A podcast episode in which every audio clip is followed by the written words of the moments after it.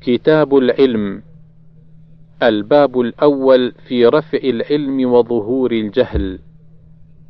1856 عن أنس بن مالك رضي الله عنه قال: ألا أحدثكم حديثا سمعته من رسول الله صلى الله عليه وسلم؟ لا يحدثكم أحد بعدي سمعه منه. إن من أشراط الساعة أن يرفع العلم ويظهر الجهل. ويفشو الزنا ويشرب الخمر ويذهب الرجال وتبقى النساء حتى يكون لخمسين امرأة قيم واحد. أخرجه البخاري واحد وثمانين الباب الثاني في قبض العلم.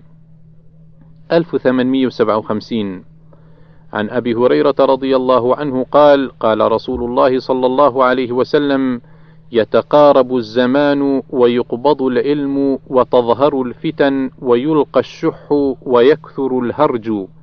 قالوا وما الهرج؟ قال القتل. أخرجه البخاري 7061 الباب الثالث في قبض العلم بقبض العلماء. 1858 عن عبد الله بن عمرو بن العاص رضي الله عنهما قال سمعت رسول الله صلى الله عليه وسلم يقول إن الله عز وجل لا يقبض العلم انتزاعا ينتزعه من الناس ولكن يقبض العلم بقبض العلماء حتى إذا لم يترك عالما اتخذ الناس رؤساء جهالا فسئلوا فأفتوا بغير علم فضلوا وأضلوا. الباب الرابع من سن سنة حسنة أو سيئة في الإسلام.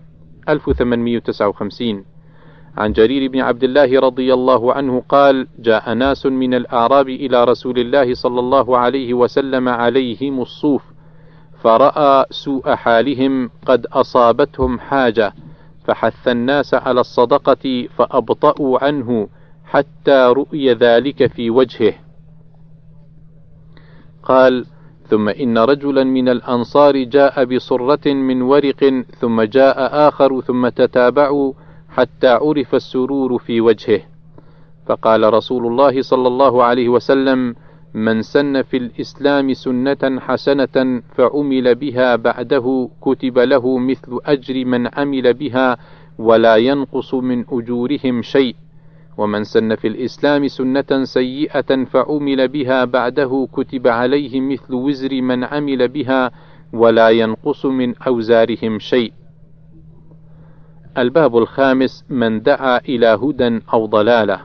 1860 عن أبي هريرة رضي الله عنه أن رسول الله صلى الله عليه وسلم قال من دعا إلى هدى كان له من الأجر مثل أجور من تبعه لا ينقص ذلك من أجورهم شيئا ومن دعا إلى ضلالة كان عليه من الإثم مثل آثام من تبعه لا ينقص ذلك من آثامهم شيئا.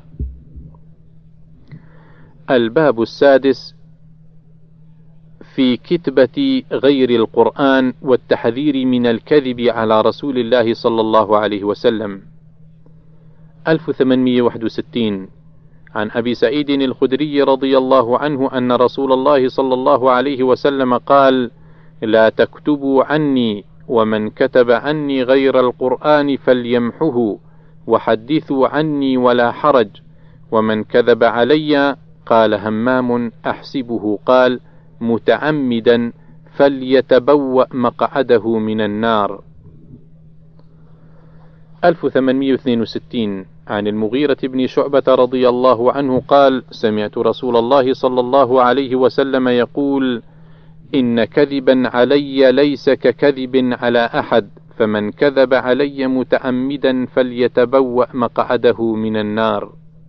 أخرجه البخاري 1291 1863 عن سمرة بن جندب عن المغيرة بن شعبة رضي الله عنهما قالا قال رسول الله صلى الله عليه وسلم من حدث عني بحديث يرى أنه كذب فهو أحد الكاذبين.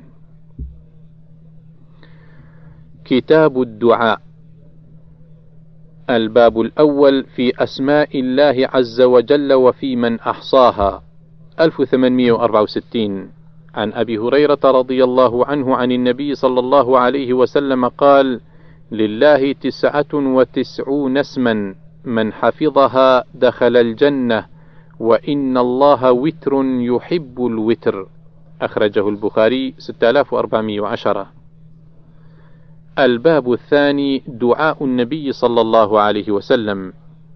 1865 عن فروة بن نوفل الأشجعي رضي الله عنه قال: سألت عائشة رضي الله عنها عما كان رسول الله صلى الله عليه وسلم يدعو به الله عز وجل، قالت: كان يقول: اللهم إني أعوذ بك من شر ما عملت وشر ما لم أعمل.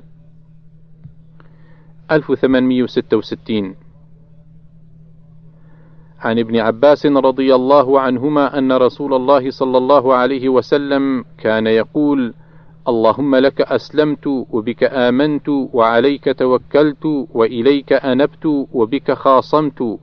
اللهم إني أعوذ بعزتك لا إله إلا أنت أن تضلني. أنت الحي الذي لا يموت والجن والإنس يموتون. أخرجه البخاري 7383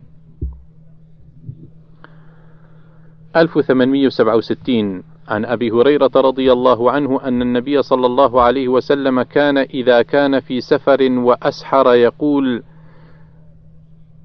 سمع سامع بحمد الله وحسن بلائه علينا ربنا صاحبنا وأفضل علينا عائذا بالله من النار. 1868 عن أبي موسى الأشعري رضي الله عنه عن النبي صلى الله عليه وسلم أنه كان يدعو بهذا الدعاء. اللهم اغفر لي خطيئتي وجهلي وإسرافي في أمري وما أنت أعلم به مني. اللهم اغفر لي جدي وهزلي وخطئي وعمدي وكل ذلك عندي.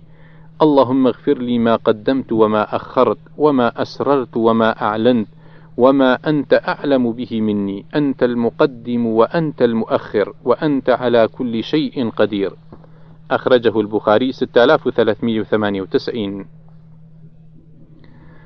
1869 عن أبي هريرة رضي الله عنه قال كان رسول الله صلى الله عليه وسلم يقول اللهم أصلح لي ديني الذي هو عصمة أمري وأصلح لي دنياي التي فيها معاشي. وأصلح لي آخرتي التي فيها معادي واجعل الحياة زيادة لي في كل خير واجعل الموت راحة لي من كل شر.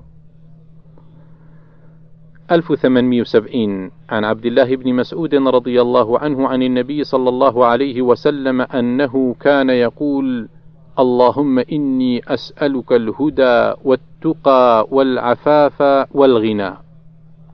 1871 عن زيد بن أرقم رضي الله عنه قال: لا أقول لكم إلا كما كان رسول الله صلى الله عليه وسلم يقول، قال: كان يقول: اللهم إني أعوذ بك من العجز والكسل والجبن والبخل والهرم وعذاب القبر. اللهم آت نفسي تقواها وزكها أنت خير من زكاها أنت وليها ومولاها. اللهم إني أعوذ بك من علم لا ينفع ومن قلب لا يخشع ومن نفس لا تشبع ومن دعوة لا يستجاب لها. الباب الثالث الدعاء. اللهم اغفر لي وارحمني وعافني وارزقني. 1872 عن أبي مالك الأشجعي عن أبيه رضي الله عنه أنه سمع النبي صلى الله عليه وسلم وأتاه رجل فقال: يا رسول الله كيف أقول حين أسأل ربي عز وجل؟ قال: قل اللهم اغفر لي وارحمني وعافني وارزقني ويجمع أصابعه إلا الإبهام فإن هؤلاء تجمع لك دنياك وآخرتك الباب الرابع الدعاء اللهم آتنا في الدنيا حسنة وفي الآخرة حسنة وقنا عذاب النار. 1873 عن عبد العزيز وهو ابن صهيب قال سأل قتادة أنسا رضي الله عنه أي دعوة كان يدعو بها النبي صلى الله عليه وسلم أكثر؟ قال كان أكثر دعوة يدعو بها يقول اللهم آتنا في الدنيا حسنة وفي الآخرة حسنة وقنا عذاب النار. قال وكان أنس إذا أراد أن يدعو بدعوة دعا بها فإذا أراد أن يدعو بدعاء دعا بها فيه. أخرجه البخاري 6389 الباب الخامس الدعاء بالهداية والسداد 1874 عن علي رضي الله عنه قال قال لي رسول الله صلى الله عليه وسلم قل اللهم اهدني وسددني واذكر بالهدى هدايتك الطريق والسداد سداد السهم.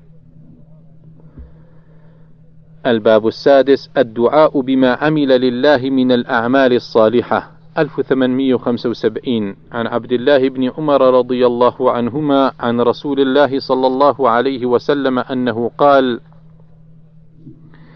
بينما ثلاثة نفر يتمشون أخذهم المطر فأووا إلى غار في جبل فانحطت على فم غارهم صخرة من الجبل فانطبقت عليهم. فقال بعضهم لبعض انظروا أعمالا عملتموها صالحة لله فادعوا الله بها لعل الله يفرجها عنكم. فقال أحدهم اللهم إنه كان لي والدان شيخان كبيران وامرأتي ولي صبية صغار أرعى عليهم فإذا أرحت عليهم حلبت فبدأت بوالدي فسقيتهما قبل بني وإني نأى بي ذات يوم الشجر فلم آت حتى أمسيت. فوجدتهما قد ناما فحلبت كما كنت أحلب فجئت بالحلاب فقمت عند رؤوسهما أكره أن أوقظهما من نومهما وأكره أن أسقي الصبية قبلهما والصبية يتضاغون عند قدمي. فلم يزل ذلك دأبي ودأبهم حتى طلع الفجر. فإن كنت تعلم أني فعلت ذلك ابتغاء وجهك فافرج لنا منها فرجة نرى منها السماء. ففرج الله منها فرجة فرأوا منها السماء. وقال الآخر اللهم إنه كانت لي ابنة عم أحببتها كأشد ما يحب الرجال النساء وطلبت إليها نفسها فأبت حتى آتيها بمئة دينار. فتعبت حتى جمعت مئة دينار فجئتها بها فلما وقعت بين رجليها قالت يا عبد الله اتق الله ولا تفتح الخاتم إلا بحقه. فقمت عنها فإن كنت تعلم أني فعلت ذلك ابتغاء وجهك فافرج لنا منها فرجة ففرج لهم.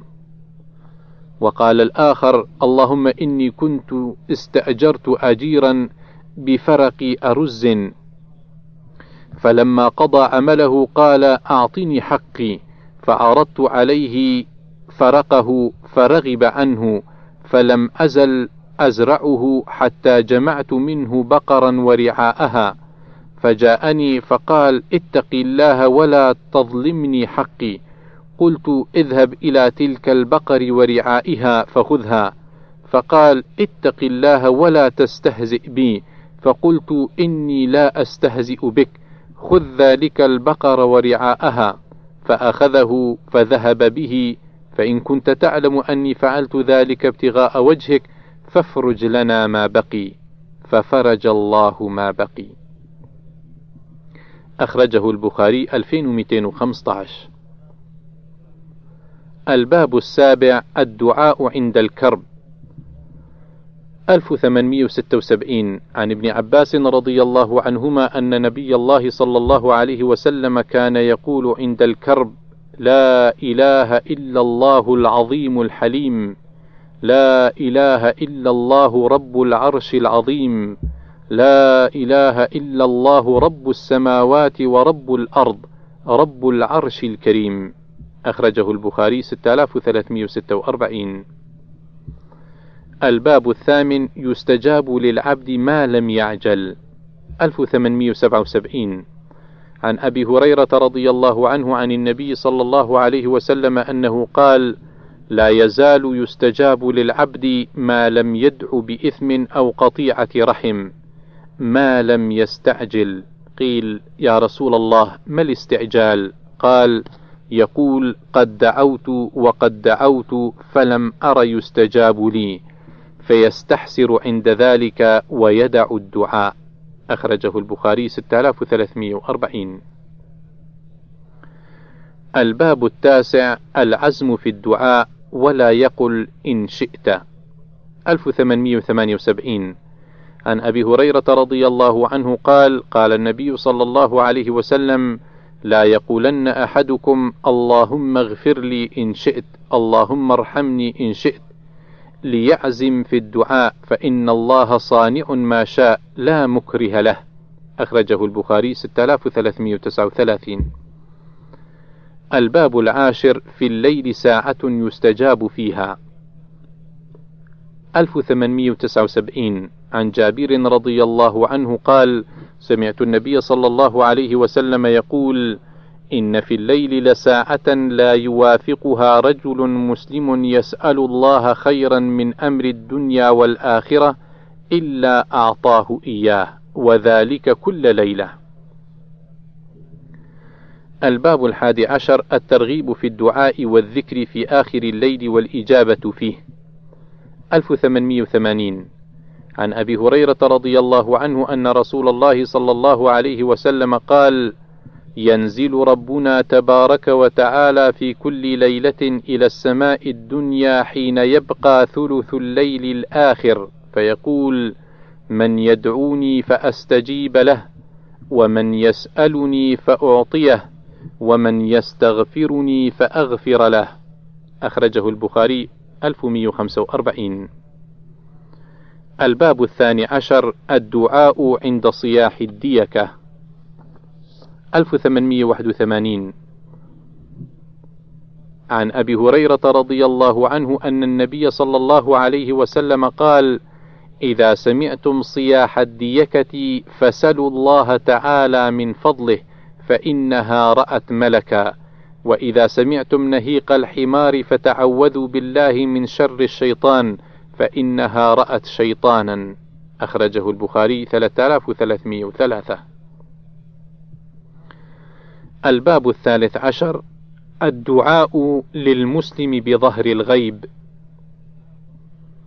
1882 عن صفوان وهو ابن عبد الله بن صفوان وكانت تحته الدرداء. قال قدمت الشام فأتيت أبا الدرداء في منزله فلم أجده ووجدت أم الدرداء فقالت أتريد الحج العام؟ فقلت نعم.